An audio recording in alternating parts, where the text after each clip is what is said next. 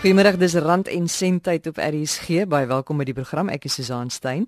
Die jaar is 2 maande oud en ek wonder hoeveel van ons wat aan die begin van die jaar by die gimnasium aangesluit het, gaan nog. Ons gaan 'n bietjie later in die program praat oor hoeveel onnodige geld jou goeie voornemens wat jy aan die begin van die jaar het om te gaan oefen en fiks te word, jou kan kos. Ons praat ook oor hoe jy moet oplet dat jou aftreefonds jou nie onnodige geld uit die sak uitjaag nie, maar ons begin met iets wat die meeste van ons dalk baie van sal hou en wat op 'n ernstige noot tot die voordeel van werkgewers en werknemers kan strek. Die tydskrif Fortune het onlangs 'n lys gepubliseer met die 100 beste maatskappye in die wêreld om voor te werk. 19 van hierdie maatskappye bied betaalde sabbatsverlof aan as deel van hulle werknemers se voordele pakket. Henry van Deventer is die hoof van welvaartontwikkeling by Old Mutual en ek wil by hom weet hoe die situasie in Suid-Afrika lyk. Is hier ook maatskappye wat dieselfde soort sabbatsverlof voordele vir hulle werknemers het? Die hele konsep van sabbatsverlof of die sogenaamde sabbaticals is 'n redelike nuwe ding in Suid-Afrika en ons begin dit meer en meer sien. Ek dink ons sien dit op twee vlakke. Jy weet ons het maatskappye wat begin besef maar, "Sjoe, na 5 jaar of wat, moet ek regtig waar iets begin doen om aan my my sleutelpersoneel vas te hou." Jy weet daardie ouens wat 'n betekenisvolle rol speel want die realiteit is in Suid-Afrika vandag verander mense van werk so elke 4 jaar of wat. En anders as vorige generasies waar jy net vir mense meer betaal dan bly hulle in hulle werk, begin maatskappye vandag besef maar sjoe, weet geld op sigself is nie genoeg nie. Wat ek eintlik nodig het om my mense te gee is tyd. En dit is besig om meer en meer in die Suid-Afrikaanse omgewing 'n belangrike strategie vir maatskappye te word sodat hulle nie alleen aan hulle personeel kan vashou nie, maar ook hulle die tyd en die ruimte kan gee om bietjie weg te gaan, om hulle fokus en hulle koppe reg te kry, hulle motiveringsvlakke terug te bring waar hulle dit graag wil hê. Wat sal die voordele daarvan wees vir 'n maatskappy as sy werkgewers of sy werknemers liewer so 'n sabbatsverlof neem? Ek dink wat my sit in 'n maatskappy is as mens iemand aanstel in 'n posisie, hulle hulle bring nuwe talente, nuwe insigte, nuwe kennis en weet 'n nuwe asem na na hulle rol toe.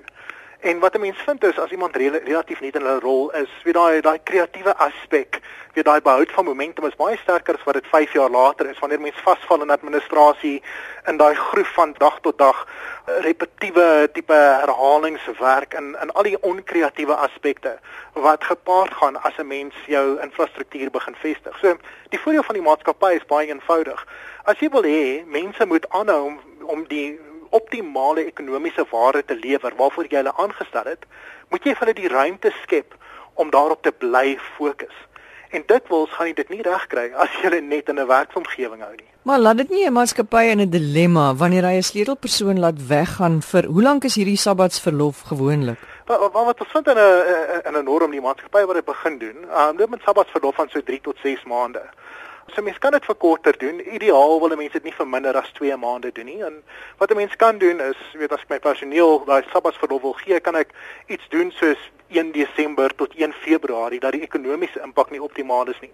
Maar op dieselfde manier as wat mense 'n plan gaan maak as iemand byvoorbeeld op swanger verlof gaan en jy kan mense kry om in te tree in daai leemte te vol vir 'n paar maande, kan 'n mens dieselfde doen as jy na die konsep van sabbatsverlof gaan kyk. Wat ek wil jou nou juist vir jou vra as jy 'n sleutelpersoon verloor vir 3 tot 6 maande, dan jy weet vir alles dit miskien in die maatskappy 'n tydperk is waar jy besig is met nuwe ontwikkelinge, dan kan dit nogal 'n probleem wees vir 'n maatskappy. Weet jy, Susan, jy sal die spyker op die kop daarso, maar ek ek dink vir enige maatskappy het 'n mens ook nodig om om te besef dat die beste korttermynbesluit en die beste langtermynbesluit vir die maatskappy is omtrent nooit dieselfde besluit nie. So dikwels om iets prys te gee en mense mens kan 'n strategiese beplanning rondom 'n sleutelpersoon doen vir 'n paar maande. Solank die allocasie gebeur na die regte hulpbronne in die maatskappy, dis sal hulle waarskynlik 'n tree kan uitneem vir so 3 maande of wat sonder dat jy 'n substansiële impak het rondom wat jy nodig het om te doen. So, so daar is maniere om rondom dit te werk. En vir alles mense dink jy alternatief is om hierdie werknemers te verloor. Jy as 'n werknemer, wanneer jy so sabbatsverlof neem, kry jy jou volle salaris? Wat is die finansiële implikasies vir jou? Ons begin uh, twee tipe sabbatsverlof sien daar buite. Die een is daardie tipe sabbatsverlof waarvoor 'n maatskappy betaal. Jy weet so so die befondsing daarvan is nie 'n probleem nie, maar meer en meer vind jy dat mense net na 4 of 5 jaar sê, "Sjoe, nee, maar ek het ek het nodig om 'n tree terug te neem," en dan befonds hulle dit self. En soms is dit 'n kombinasie van die twee. Ek dink ons ons leef in 'n era wat ons soveel opgehoopte verlof het. Jy weet, en mense gebruik nie genoeg daarvan nie. Gebruik jy opgehoopte verlof, weet en dit gaan betaal vir moontlik 'n maand of vir 'n maand en 'n half. En as jy 'n ekstra maand wil bysit, is dit nie asof mense vir daai sabbatsverlof in 5-ster hotelle gaan bly nie. Dikwels is 'n maand se sabbatsverlof omtrent net so duur soos wat 2 weke se vakansie is. As jy nou besluit goed, jy wil sommer 'n jaar die sabbatsverlof maak, sou jy wat wat jy weet is, is daar 'n plan wat jy vir mense kan gee? Wat moet hulle doen met hulle finansies? Want jy weet 'n mens het maandelikse aftrekkings, jy het fondse wat jy moet betaal, miskien spaarfonds, pensioenfonds. Die eerste ding wat mens wil doen is maak seker wanneer jy jou sabbatsverlof wil neem. Dikwels maak ons vir onsself daai belofte eendag en eendag kom nooit nie. So so maak 'n datum vas. Sodra jy weet wat die datum is, praat met die mense op kantoor, praat met jou familie met daardie rondom jou en maak seker dat hulle jou steun en dat hulle vir jou gedoen gaan kry wat jy anders en self sou gedoen het in jou afwesigheid. Hierna kom die finansiële aspekte ter sprake. In die eerste plek vind ek waar mense kortval rondom sabbatsverlof is, hulle het nie 'n duidelike plan rondom wat dit is wat hulle wil doen nie. So 'n vraag wat ons eerstens vir onsself moet vra is: as ek 3 maande gaan afvat vir 'n sabbatsverlof, hoe sal ek aan die einde daarvan weet dat dit gewerk het? Weet wat is daardie tipe boksies wat ek graag sal wil kan afmerk? En wanneer ek weet wat daai dinge is, dan kan 'n mens gaan en sê, "Oké, okay, wat is die dinge wat ek kan doen? Dalk is dit reis, dalk is dit om tyd te bring op nuwe vaardighede, dalk is dit om net aan te hou werk van 'n ander plek en van 'n ander omgewing af. Maar wat is die dinge wat ek kan doen om my te help om daai resultate te gebruik?" En dan wanneer mens weet, nou ja, dan kan jy begin plan vir die finansiële impak daarvan. En die finansiële beplanning is is redelik eenvoudig. Verstaan vir daai 3 maande of wat wat jy gaan wegwees wat jou vaste uitgawes gaan wees, jou huis, water en ligte al daai tipe goederes, maak voorsiening daarvan.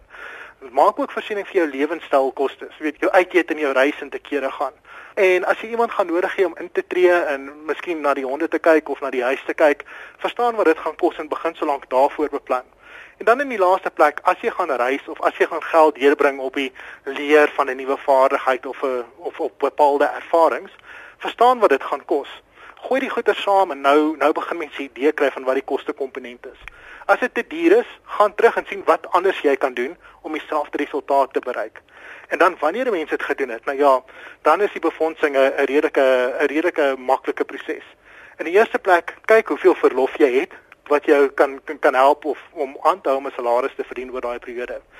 Waar jy verlof opraak, sien wat die verskil is wat jy gaan kort kom en beplan besparing daarvoor. 2 maande se sabbatsverlof is omtrent so duur soos 'n maand se vakansie, maar dit hang af van wat jy gaan doen. En as jy weet wat die koste is, maak voorsiening daarvoor soos wat jy spaar vir vakansie en enigiets anders, of dit nou 'n tiende van jou salaris check is of weet as dit nou in die volgende jaar is of dalk 'n uh, 20ste as dit oor die volgende 2 jaar is. Sit die geld op sy, spaar dit konservatief, moet dit nie in 'n volatiele mark sit waar weet jy waardes kan verdubbel of halveer oor die volgende jaar of wat nie. En wanneer die tyd kom, wees bereid en gereed om daai tree terug te neem sodat jy kan gaan en die tyd kan afneem om jou om jou kop reg te kry. Die groot vraag aanvanklik, weet meeste van ons dink oor die oor die konsep van 'n sabbatsverlof. Ons dink so maar jy sê as ek maar net die tyd gehad het, maar weet vir my kan dit nie werk nie. Dis makliker as wat mense dink. En veral in 'n wêreld wat vinnig verander, met tegnologie wat vinnig verander, ons werksomgewing wat vinnig verander. As ons nie doelbewus vir onsself die ruimte skep om um te fokus op wat dit is wat ons wil doen vir die volgende 10 jaar nie, gaan ons vasval in wat ons gedoen het vir die laaste 10 jaar. En dit los vir meeste van ons bitter ongelukkig. So dis die uiteindelike doel agter 'n sabbatsverlof. En as 'n mens daai tipe krisis of probleem of oorwegings in jou lewe het, dan is dit nie 'n kwessie van kan ek bekostig om 'n sabbatsverlof te doen nie, dis eerder 'n kwessie van kan ek bekostig om dit nie te doen nie. Henry van Deventer, hy is die hoof van welvaartontwikkeling by Old Mutual. Baie dankie daarvoor, bietjie stof tot nadenke. En ons gaan nou van die Sabbatsverlof gaan ons na die gimnasium toe. Want Wikus Olivier is 'n skuldberader by DebtSafe. Ek het verlede week met hom gepraat oor die maand van die liefde en hoe skuld nie baie goed is vir jou verhoudings nie. En uh, Wikus sê die gimnasium kontrak wat 'n mens so flink gaan uitneem aan die begin van die jaar, het hy nou al gesien kan mense baie sleg in die skuld dompel.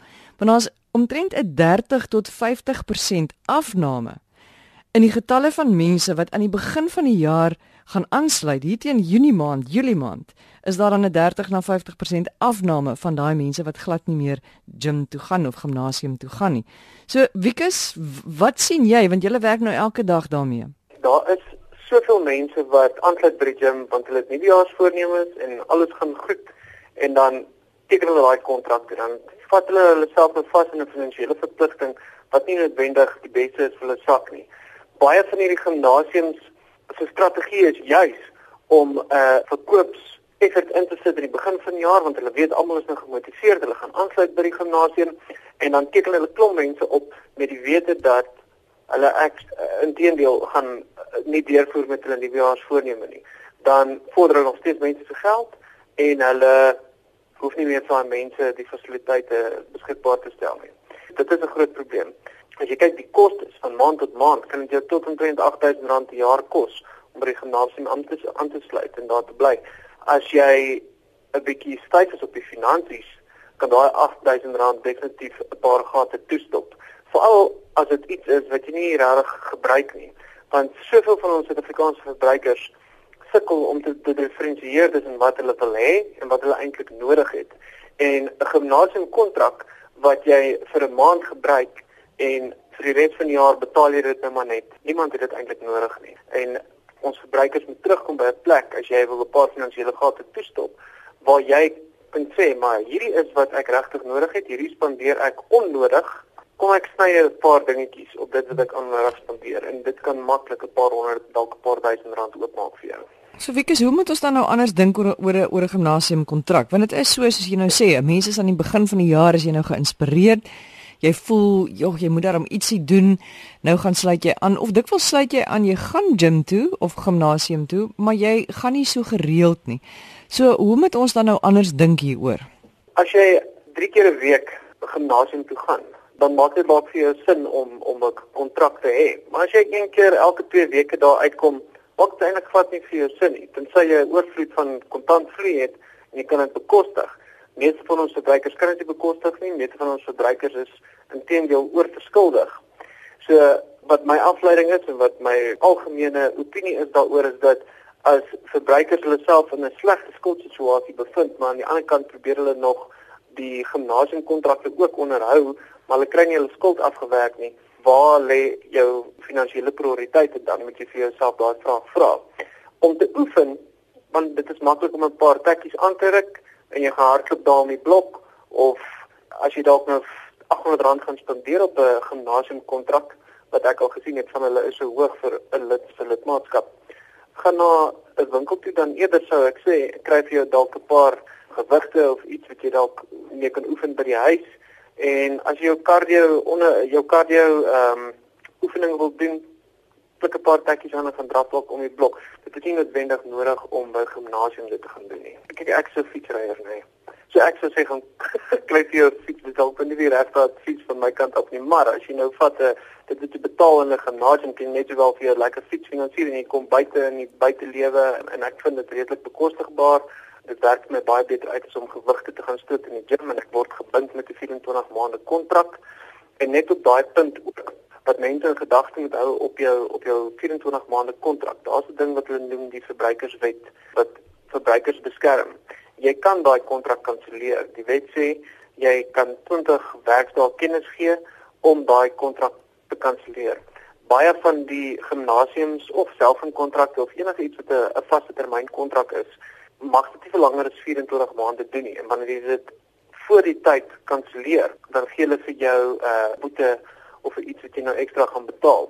Maar solank jou kontrak op datum betaal is, jy het nie enigiets agterstallig op daai kontrak nie, dan kan jy dit met 'n maand se kennis kanselleer en ehm um, hulle kan billike fooie daarby sit omdat jy hom vroeg kanselleer. Maar 'n mens kan dit doen. Baie dankie Wikus Olivier, hy's 'n skuldberader by DebtSave. Nou, moenie dat dit jou afsit as jy besluit maar jy wil gimnasium toe gaan want jy wil begin oefen dan is daar ook pakkette by die by elke gym met 'n pakket wat miskien goedkoper kan wees. Soos byvoorbeeld as jy tussen 10 uur en 4 uur in die dag gaan of tussen ure wat nou nie binne spitstyd val nie gaan hulle vir jou 'n goedkoper ooreenkoms kan gee. En baie mediese fondse help jou ook om bietjie goedkoper by die gimnasium aan te sluit. Maar die belangrike ding is dink daaroor na dink of jy regtig iets nodig het of jy dit regtig wil doen En as jy besluit ja, ek wil dit doen, dan probeer jy dit. En as jy agterkom dit werk nie vir jou nie, dan gaan jy en jy kanselleer jou kontrak. Dit gaan jou 'n bietjie geld kos, maar 'n mens moet ten minste alles een keer in die lewe probeer. Ons gaan voort met Rand en Sent hier op RSG 100 tot 104 FM enige plek in Suid-Afrika op jou radio www.rsg.co.za enige plek in die wêreld op jou internet of die DStv kanaal 813. As jy by 'n maatskappy werk, dan belê jy in 'n aftreefonds. Maar weet jy hoeveel dit jou kos om te betaal vir die mense wat daai aftreefonds of daai geld belê en bestuur elke jaar. RR Tennyson is 'n korporatiewe konsultant by Old Mutual en hy sê mense betaal dikwels te veel vir daai aftreefondse as daar nie sekere dinge of as daar sekere dinge is waarop jy nie let nie. RR, hoekom sê julle so? Ek dink die die onus is veral op die werkgewer om seker te maak dat hulle weet van al die kostes wat verbonde is aan 'n aftreefonds voordat hulle besluit maak. Daar is heelwat dinge wat 'n ou moet in ag neem. Uiteraard koste, maar daar is ook ander aspekte wat wat 'n ou kan kos op die langer duur wat nie noodwendig direk met prys te doen het nie. Soos wat? Behalwe vir die prys van 'n wat 'n lid betaal vir die administrasie van 'n van 'n aftreefonds of vir die konsultasiewerk daaraan verbonde of vir die beleggings, is daar ook ander aspekte wat trustees op 'n op 'n fonds um, in ag moet neem. Die bestuur of in Engels noem hulle die die governance van die fonds is baie belangrik. Trustees moet weet hoe om 'n risikobeleid onder andere op te kan opstel om seker te maak dat alle risiko's geïdentifiseer word verbonde aan die bestuur van daardie fonds of om 'n effektiewe beleggingsbeleid op te stel. So as daardie is daardie aspekte nie nagekom word nie, dan kan dit lede kos op die langer duur. En trustees weet nie noodwendig altyd al die dinge nie en werkgewers weet nie noodwendig altyd al die dinge nie. Hulle kyk na koste en baie kere dink hulle die goedkoopste fonds is die beste fonds en dit kan baie keer die duurste fonds wees. So wie moet dan van al hierdie dinge weet? Die trustees van die fonds, hulle moet En dit is hoekom baie werkgewers deesdae besluit om na Sambreelfondse toe te kom. By 'n Sambreelfonds het jy 'n professionele raad van trustees wat spesifiek opgelei is om na al hierdie verskillende aspekte te kyk. Die groot onus wat dan op rus op die op die werkgewers is om seker te maak dat hulle na die na die regte Sambreelfonds toe gaan. Daar is nie een Sambreelfonds wat vir almal noodwendig gaan pas nie. En veral as dit kom by by die bepaling van die fooie, is daar ook nie 'n een eenvoudige manier om daarna te kyk nie. As ek 'n voorbeeld kan noem en ek ek neem 'n voorbeeld uit 'n uit 'n artikel wat een van ons konsultante onlangs geskryf het.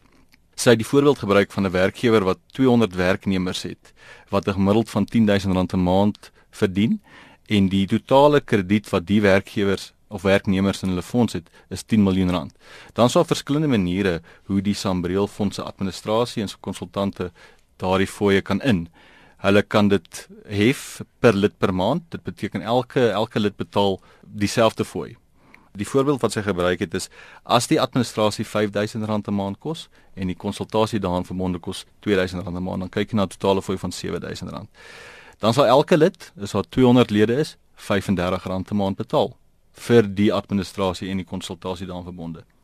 'n Ander manier dan en dit is waar werkgewers dan nou maar moet begin kyk hoe 'n Samreelfonds fooie hef.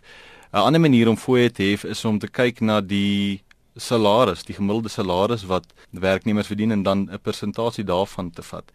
As ons by die voorbeeld bly en ons sê die koste verbonde aan die administrasie en die konsultasie van 'n fonds is is R7000 eh, 'n maand vir werkgewers vir 200 werkgewers wat 'n uh, gemiddeld van R10000 'n maand verdien, dan sal die persentasie wat gehef word op daardie salarisse 0.35% wees.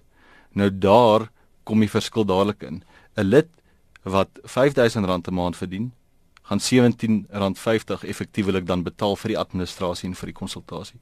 Waar 'n lid wat R40000 'n maand verdien, effektiewelik R140 gaan betaal dan vir dieselfde dienste.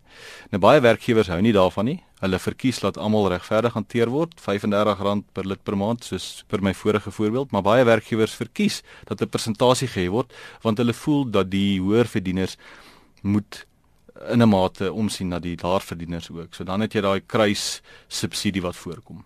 Die dinge waarna 'n mens moet let, jy dan nou as 'n lid van 'n pensioenfonds om mm. seker te maak dat jy nie te veel betaal nie. As jy dan nou by 'n plek werk waar daar jy weet die trustees van fondse miskien nie goed weet nie. Wat mm. moet jy in gedagte hou? Waarna moet jy kyk? Okay.